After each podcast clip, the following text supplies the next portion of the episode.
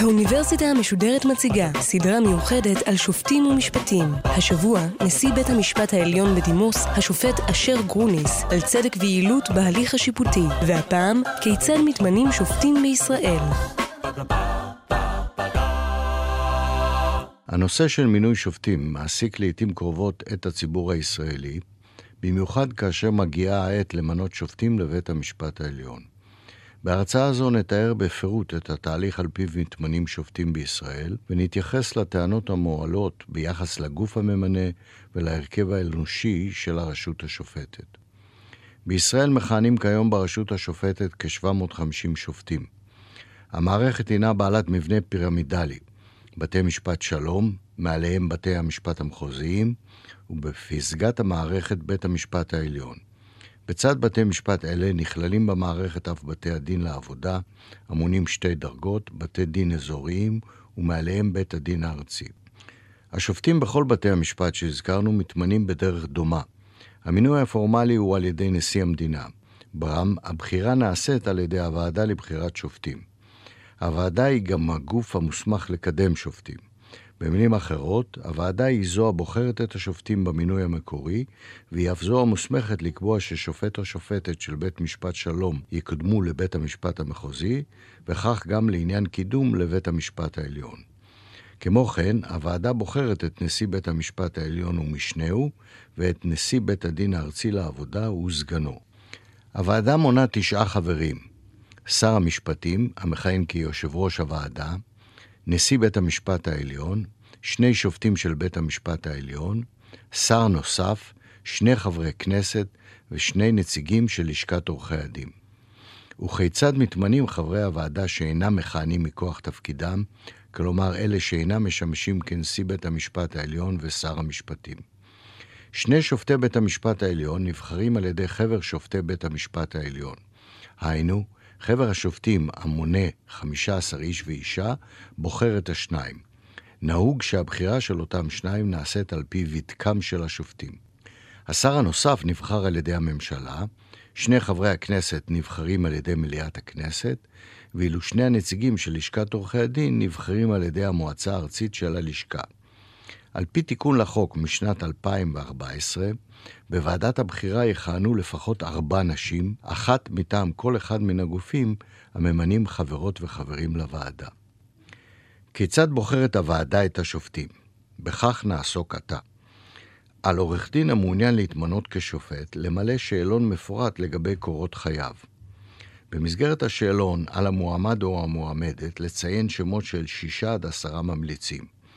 הנהלת בתי המשפט, שהיא הגורם המינהלי שמאחורי ועדת הבחירה, פונה אל הממליצים ומבקשת מהם למלא טופס מובנה ולהעריך את המועמד על פי קריטריונים שונים.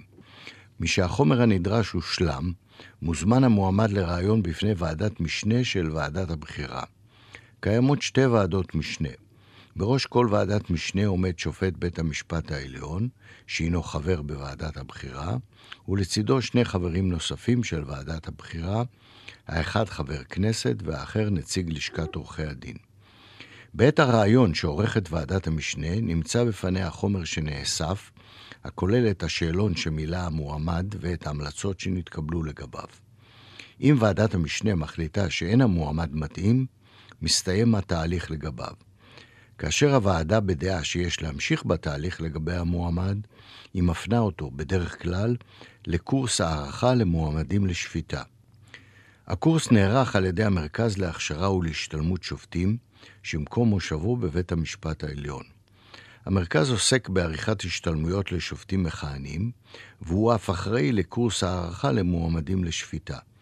הצוות המנהל את קורס הערכה כולל שלושה שופטים בכירים, מכהנים או בדימוס, עורך דין בכיר ושני פסיכולוגים תעסוקתיים.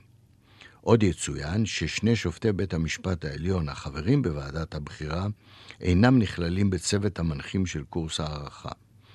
על מנת להקטין את האפשרות של הטיות מצד הצוות של הקורס, ההמלצות לגבי המועמד אינן מוצגות לצוות. התמונה מתקבלת מן השאלון, מן ההמלצות ומן הרעיון בפני ועדת המשנה הינה חלקית בלבד.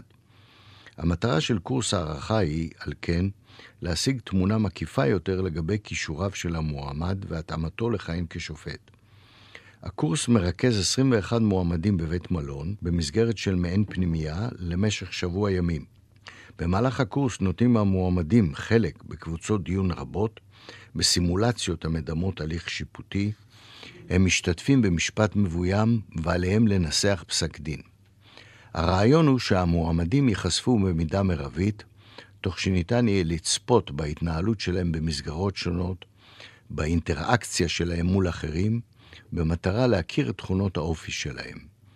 הדגש בקורס הערכה מושם על בחינה של הסגולות האישיות מעבר למקצוענות המשפטית גריידא. בצד מרכיבי הקורס שציינו, כל מועמד אף מרואיין בנפרד על ידי הפסיכולוגים. מועמדים לבית המשפט העליון אינם נדרשים להשתתף בקורס הערכה. בתום קורס הערכה ממלא הצוות טופס מובנה לגבי כל מועמד. בטופס נדרש הצוות להעריך תכונות שונות של המועמד, ביניהן כושר הבעה וניסוח בכתב ובעל פה, יעילות וכושר ביצוע, כושר הכרעה והחלטה, יישוב הדעת, הבחנה בין טפל לעיקר, סבלנות וסובלנות, שקט נפשי, יכולת עמידה בלחצים, גינוני משפט, יושר ויושרה. כמובן שייתכן שלא כל תכונה נדרשת תיחשף בפני הצוות במהלך הקורס. עם זאת, יש בידי הקורס לחשוף את המועמדים בצורה הרבה יותר טובה מאשר הניירת המובאת בפני ועדת המשנה והרעיון שנערך עמם. יתרון נוסף של הקורס, שהוא מאפשר חשיפה לעורכי דין שאינם מופיעים לעתים קרובות בבתי המשפט, וכאלה שלא הצליחו להשיג המלצות טובות מאוד. אין כל יסוד לטענה הנשמעת לעתים כי צוות הקורס מעדיף להמליץ על מועמדים מוכרים וידועים. כאמור, הקורס דווקא מאפשר חשיפה לאלה שאינם מוכרים וידועים. ההמלצה של הצוות מקורס הערכה לגבי כל מועמד מובאת בפני אותה ועדת משנה של ועדת הבחירה שראיינה את המועמד. זאת בנוסף לכל החומר האחר שנאסף בהנהלת בתי המשפט לגבי המועמד. ועדת המשנה בוחנת את כל החומר, והיא מחליטה אילו מועמדים ייכללו במאגר של מועמדים ראויים. חשוב להדגיש כי המלצתו של הקורס לגבי המועמד אינה מחייבת את ועדת הבחירה. כאשר יש צורך במינוי שופט, נערכת רשימה של מועמדים הנבחרת מתוך המאגר. שמו של מועמד או מועמדת ייכלל ברשימה, אם כך החליטו נשיא בית המשפט העליון, שר המשפטים או שלושה חברים של ועדת הבחירה. משגובשה רשימה של מועמדים, נעשה פרסום פומבי של שמותיהם. הפרסום בא ליתן אפשרות לכל אדם שיש לו הסתייגות או התנגדות למועמד או למועמדת, להביא עמדתו בכתב בפני ועדת הבחירה. לפני ישיבתה של ועדת הבחירה המיועדת לבחור שופטים חדשים, נמסר לכל חבר החומר שנאסף לגבי כל מועמד ומועמדת. בנוסף לחומר שכבר הזכרנו, מובאת לידיעת חברי הוועדה דעתם של נשיא בית המשפט המחוזי ונשיא בית משפט השלום במחוז מגוריו של המועמד, ועמדתו של הוועד המחוזי של לשכת עורכי הדין. כמו כן, מובאות לידיעת הוועדה הסתייגויות והתנגדויות שהוגשו בצירוף תגובותיו של המועמד. בדרך כלל, ובמיוחד במרכז הארץ, מספרם של המועמדים שמובאים בפני ועדת הבחירה עולה במידה ניכרת על מספרם של התקנים הפנויים. לעתים אין מחלוקת מיהו המועמד הראוי להיבחר, ולעתים נערכת הצבעה בוועדת הבחירה. בהצבעה נדרש רוב רגיל מתוך המצביעים, אלא אם מדובר במינוי לבית המשפט העליון.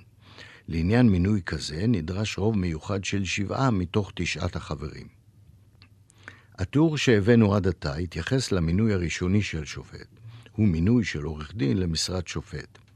עתה נפרט בקיצור את דרך הקידום של שופטים. היינו מעבר מבית משפט השלום לבית המשפט המחוזי, או מבית המשפט המחוזי לבית המשפט העליון. כאמור, קורס הערכה מיועד למינוי הראשוני לרשות השופטת. כלומר, למועמד חיצוני ולא למי שמכהן כבר כשופט ומעוניין בקידום לערכאה גבוהה יותר. מטבע הדברים שבתוך הרשות השופטת עצמה מצטבר מידע וחומר רב לגבי שופט מכהן. כך למשל, הנשיאה של בית המשפט בו מכהן שופט עוצרת נתונים ומידע באשר ליעילותם של השופטים, באשר לקצב השמיעה של תיקים ובאשר לעיכובים במתן פסקי דין.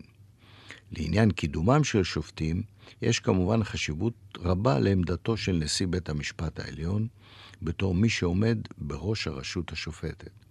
עם זאת, בשל עיסוקיו הרבים של הנשיא והעומס המוטל עליו, אין באפשרותו לרכז באופן אישי את החומר בנוגע לשופטים המועמדים לקידום.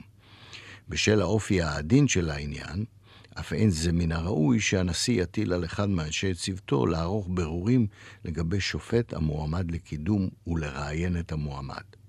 בשל כך החליטה נשיאת בית המשפט העליון לפני כעשר שנים להקים צוות של שניים שיסייע לנשיא לגבש עמדה בנוגע לקידום של שופטים מכהנים מבית משפט השלום לבית המשפט המחוזי. בצוות מכהנים שופט בדימוס של בית המשפט העליון ושופט בדימוס של בית המשפט המחוזי. הצוות מראיין כל מועמד לקידום, מרכז חומר לגביו ומעיין בפסקי דין נבחרים שניתנו על ידו. המלצתו של הצוות מוגשת לנשיא בית המשפט העליון, ותמציתה מובאת לידיעת הוועדה. כל שופט המעוניין בקידום, ושאינו בעל ותק מינימלי מסוים, רשאי לפנות לצוות. כך ניתנת אפשרות לכל שופט שמעוניין בקידום להביא את דברו לידיעת נשיא בית המשפט העליון.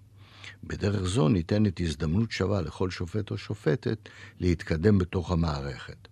בפני ועדת הבחירה מובא אף מידע לגבי תלונות שנמצאו מוצדקות על ידי נציב תלונות הציבור על שופטים. מעת לעת מועלות טענות שונות לגבי מינוי שופטים בישראל. הטענות העיקריות הן שתיים. הטענה הראשונה מופנית נגד הרכבה של ועדת הבחירה.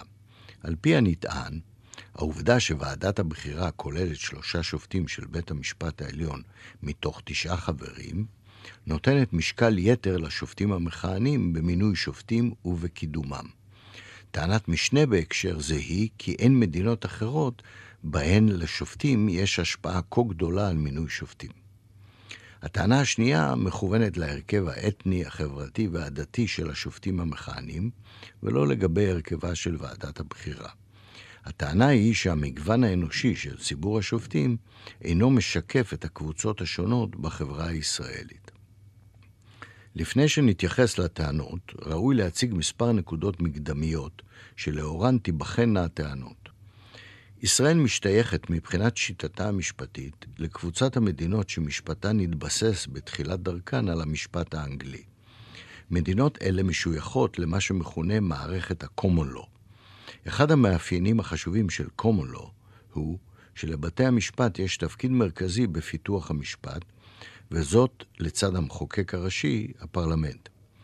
במדינות common law, הלכות שנקבעות על ידי בתי המשפט הגבוהים מחייבות את כל הערכאות, וכך הופכות הן חלק מן המשפט המחייב. מאפיין נוסף של ה-common law נוגע לגיוס שופטים. במדינות law מתמנים השופטים מקרב ציבור עורכי הדין. זאת, בניגוד למדינות אחרות, בהן סטודנטים שסיימו לימודי משפטים ומעוניינים להתמנות כשופטים, פונים ללמוד בבית ספר לשופטים לאחר סיום הלימודים האוניברסיטאיים. בסיום לימודי השפיטה ולאחר עמידה בבחינות, הם מתמנים למערכת השפיטה, בדרך כלל בגיל צעיר יחסית. לפיכך, כשמשווים את שיטת המינוי של שופטים הנהוגה בישראל לשיטות במדינות אחרות, ראוי לערוך השוואה לגבי מדינות קומולו ולא למדינות שאינן משויכות לקומולו. נקודה מקדמית נוספת וקשורה בזו הקודמת נוגעת למבנה המערכת השיפוטית. במדינות קומולו, אם כי לא בכולן, הרשות השופטת הינה מערכת אחת, אלא אם מדובר במערכת פדרלית. בראש המערכת ניצב בית משפט עליון אחד.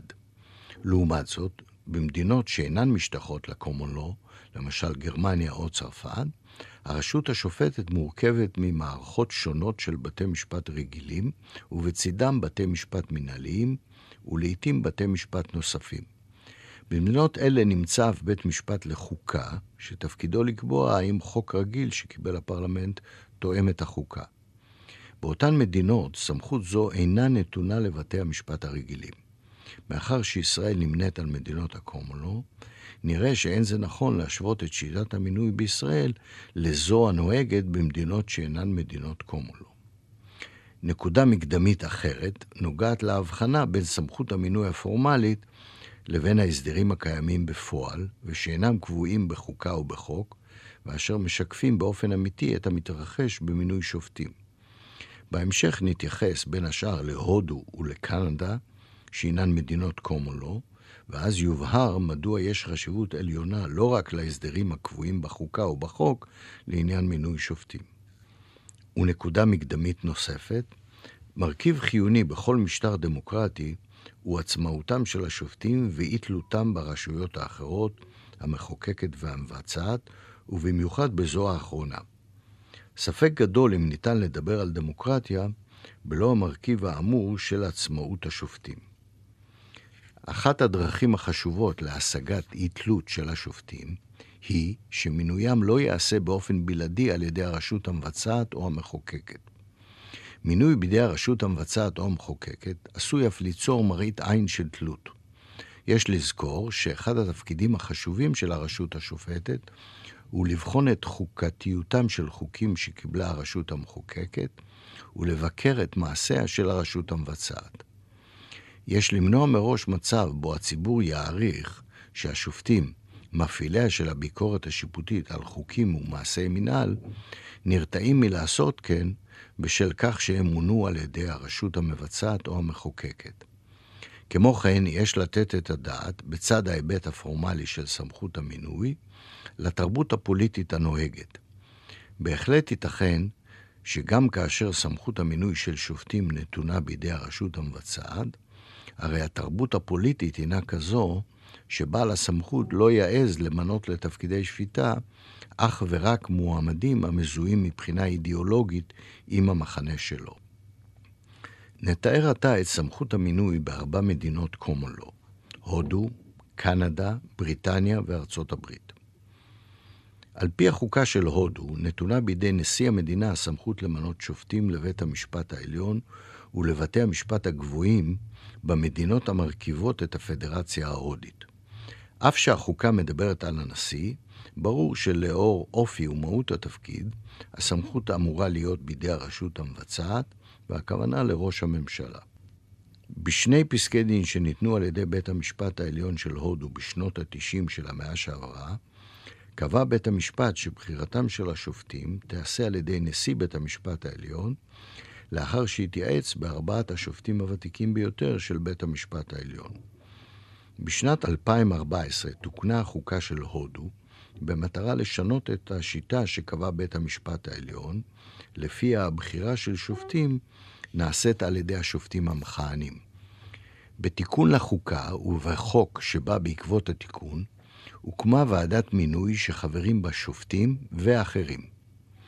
בשנת 2015 קבע בית המשפט העליון של הודו שתיקון החוקה פסול והחזיר על כנו את ההסדר שנקבע על ידו בפסיקה קודמת, היינו, הבחירה נעשית גם כיום על ידי נשיא בית המשפט העליון, לאחר התייעצות בשופטים הבכירים של בית המשפט העליון.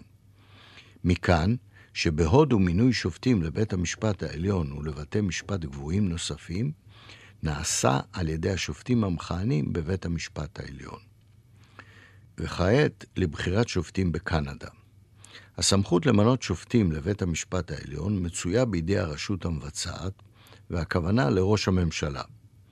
ראש הממשלה הנוכחי, ג'סטין טרודו, הקים ועדה מייעצת בת שבעה חברים, שתפקידה להמליץ על שלושה עד חמישה מועמדים, עת שיש למנות שופט לבית המשפט העליון של קנדה. כיושב ראש הוועדה מינה טרודו ראש ממשלה לשעבר, מן המפלגה היריבה. לצד יושב ראש הוועדה, מכהנים משפטנים ואנשי ציבור שלא מעולם המשפט. כלומר, אף שהסמכות הפורמלית בקנדה מצויה בידי ראש הממשלה, הוא עצמו החליט כי ראוי שתהליך הבחירה לא יהיה מזוהה פוליטית עם המפלגה השלטת, אלא ייעשה על בסיס תמיכה ציבורית רחבה מכל צידיה של המפה הפוליטית. בכדי להשיג מטרה זו, נתמנה מנהיג לשעבר של המפלגה המתחרה במפלגתו של ראש הממשלה לתפקיד יושב ראש הוועדה הממליצה. בבריטניה קיימות שיטות שונות למינוי שופטים לבית המשפט העליון ולבתי המשפט הגבוהים האחרים. המינוי לבית המשפט העליון נעשה פורמלית על ידי המלכה. ברם, הבחירה נעשית על ידי ועדה בת חמישה חברים לפחות. אין מדובר בוועדה קבועה, אלא בוועדה שמתמנית בכל פעם שיש צורך למנות שופט. בראש הוועדה עומד נשיא בית המשפט העליון, ולצידו שופט בכיר נוסף, שנבחר על ידי הנשיא, ושלושה חברים מוועדות המינויים לשופטים של אנגליה וויילס, סקוטלנד ואירלנד הצפונית. שניים מן החברים אינם משפטנים. הבחירה של שופטים לבתי המשפט האחרים בבריטניה נעשית על ידי ועדה בת 15 חברים, שליש מחברי השופטים, ושליש נוסף מי שאינם משפטנים. השליש הנותר הוא של משפטנים שאינם שופטים. כלומר, בבריטניה ניתן משקל נכבד לשופטים מכהנים בהליך מינוי השופטים. לגבי מינוי שופטים בארצות הברית, יש להבחין בין המערכת הפדרלית למדינות השונות. במדינות המרכיבות את ארצות הברית נמצא שיטות מינוי שונות.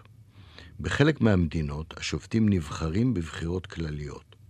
לעומת זאת, השופטים במערכת הפדרלית על שלוש דרגותיה מתמנים בדרך זהה.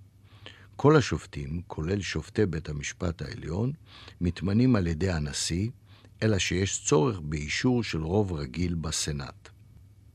ארבע הדוגמאות שהבאנו, וניתן להביא עוד אחרות, מלמדות שקיימות מדינות דמוקרטיות, בהן מעורבותם של שופטים מכהנים במינוי שופטים הינה רחבה ועמוקה יותר מאשר בישראל. כך הדבר בהודו ובבריטניה. במדינות מסוימות, הרשות המבצעת מגבילה מיוזמתה את כוחה שלה במינוי שופטים, והכל במטרה להדגיש את עצמאותם של השופטים ולהרחיב את הלגיטימציה של הרשות השופטת. כך הדבר בקנדה. אכן, בארצות הברית יש משקל נכבד מאוד במינוי לגורמים פוליטיים, אך גם שם אין לרשות המבצעת שליטה מוחלטת על בחירתם של שופטים פדרליים. מכאן שאין יסוד לטענה הנשמעת לעיתים, כי אין בשום מדינה בעולם שיטת בחירה בה מעורבות השופטים גדולה כבישראל, וכי יש להגביר את כוחה של הרשות המבצעת במינוי שופטים.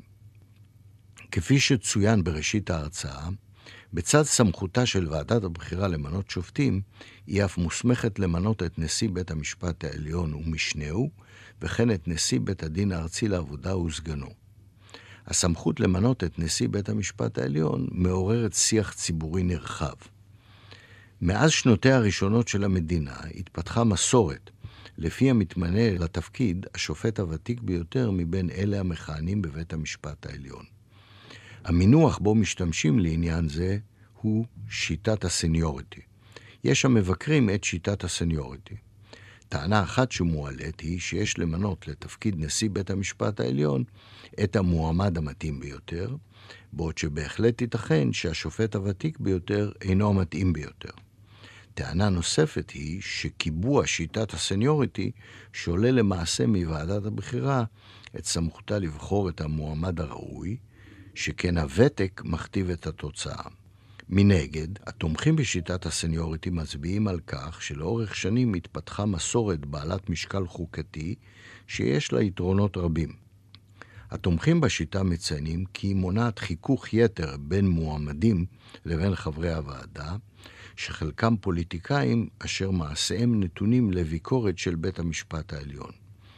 אלמלא שיטת הסניוריטי, היה כל מועמד לתפקיד הנשיא מנהל מסע שכנוע ומבקש מחברי הוועדה לתמוך בו. מצב זה יוצר חשש של תלות ולמצער מראית עין של תלות בין המועמד שנבחר לבין חברי הוועדה הפוליטיים שתמכו בו. מצב הפוך עלול להיווצר בין מועמד שכשל לבין שר או חבר כנסת, חבר ועדה, שהצביע נגד מועמדותו של שופט בית המשפט העליון לתפקיד הנשיא. ניתן לשאול מה יחוש שר שהצביע נגד מועמד שהינו שופט בית המשפט העליון, כאשר החלטה שלו תעמוד לביקורת בפני הרכב בו יכהן אותו שופט. טעם נוסף שמצדיק להמשיך את שיטת הסניוריטי הוא החשש שמא תתפתח תחרות בין שופטים שיציגו מועמדותם לתפקיד הנשיא, באופן שיעכיר את היחסים החבריים הטובים השוררים בין שופטי בית המשפט העליון. כתוצאה מכך עלול להיפגע תפקודו של בית המשפט.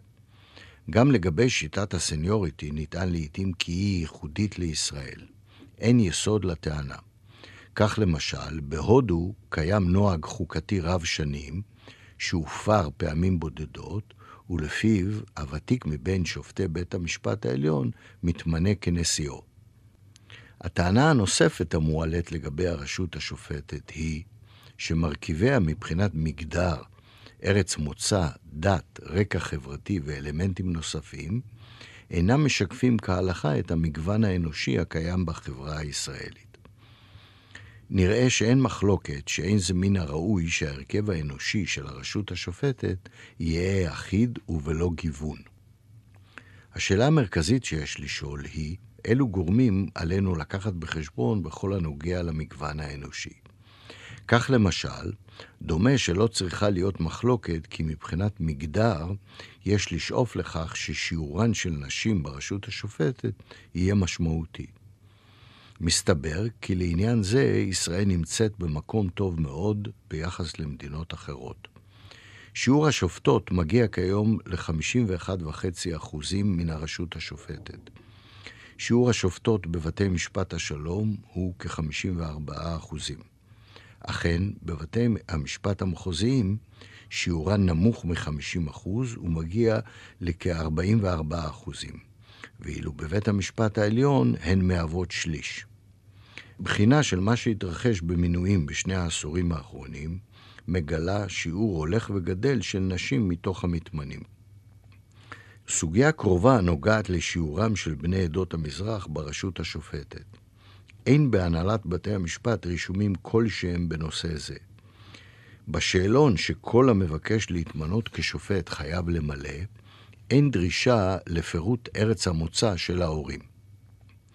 מכל מקום, כיצד נסווג שופט או שופטת שנולדו לאב יליד תימן ולאם ילידת פולין? לגבי המגוון האתני עולה לעיתים שאלה בנוגע לשיעורם של הערבים מכלל השופטים והשופטות.